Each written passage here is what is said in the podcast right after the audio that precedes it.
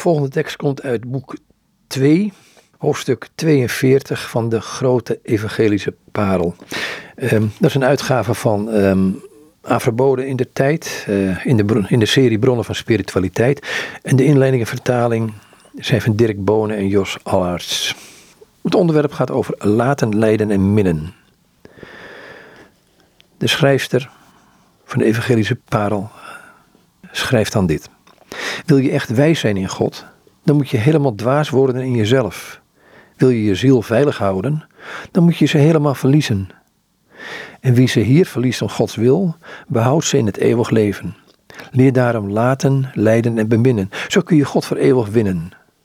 Het eerste punt is laten. Ik zeg je, leer laten niet alleen in de uitwendige lichamelijke en zinnelijke dingen, maar ook de inwendige, geestelijke dingen, die je beladen met een ongeordende neiging van ziel en geest, zoals geestelijke oefeningen, waar mensen zich op toeleggen en die ze op eigen initiatief beginnen, zoals vasten en waken, bidden en overwegen, jubelen en contempleren, troost en zoetheid smaken. Verheven dingen beschouwen, hongeren, dorsten en verlangen naar loon en eeuwig leven, en ook naar het heilig sacrament, uit eigenzinnigheid en zelfzucht. Dat alles en veel meer dan men kan zeggen, betreffende alle geestelijke dingen waarin de mens zijn genoegen en troost wil vinden en waaraan hij onbehoorlijk gehecht is, moet volledig uitgeroeid en teniet gedaan worden.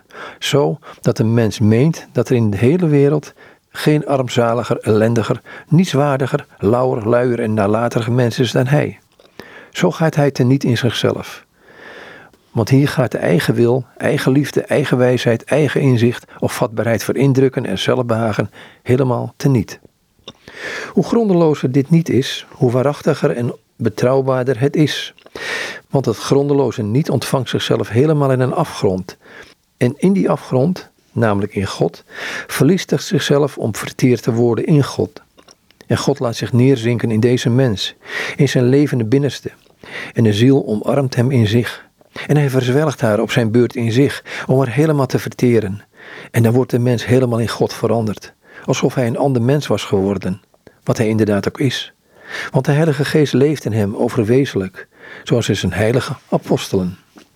Het tweede punt is lijden. Een mens moet namelijk geduldig zijn en zich met een vredig hart inspannen om naar beste vermogen te verdragen. Het zijn lief of leed, mee of tegen, geluk of ongeluk, voorspoed of tegenspoed, winst of verlies, uitwendig of inwendig. Hoe de dingen jou of een ander ook overkomen, of wie het ook doet.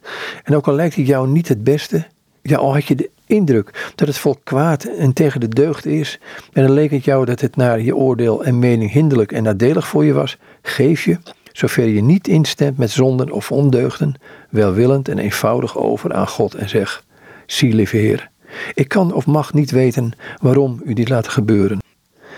Het lijkt me niet goed, maar ik weet niet hoe u dat beoordeelt. Ik vertrouw dus op uw goddelijke goedheid, dat u dit niet laat gebeuren zonder reden. U weet waarom.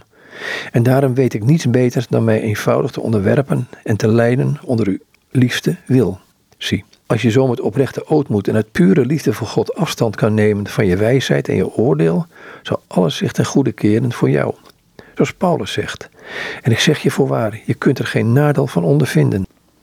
Ook al heb je de indruk dat je er naar jouw mening nadeel of hinder bij ondervindt in de geschapen dingen die je op eigen initiatief hebt aangevat, hoe goed die ook schijnen of zijn, je gaat honderdmaal meer vooruit in God en in volmaakte heiligheid door ootmoedige gelatenheid en leidzaamheid.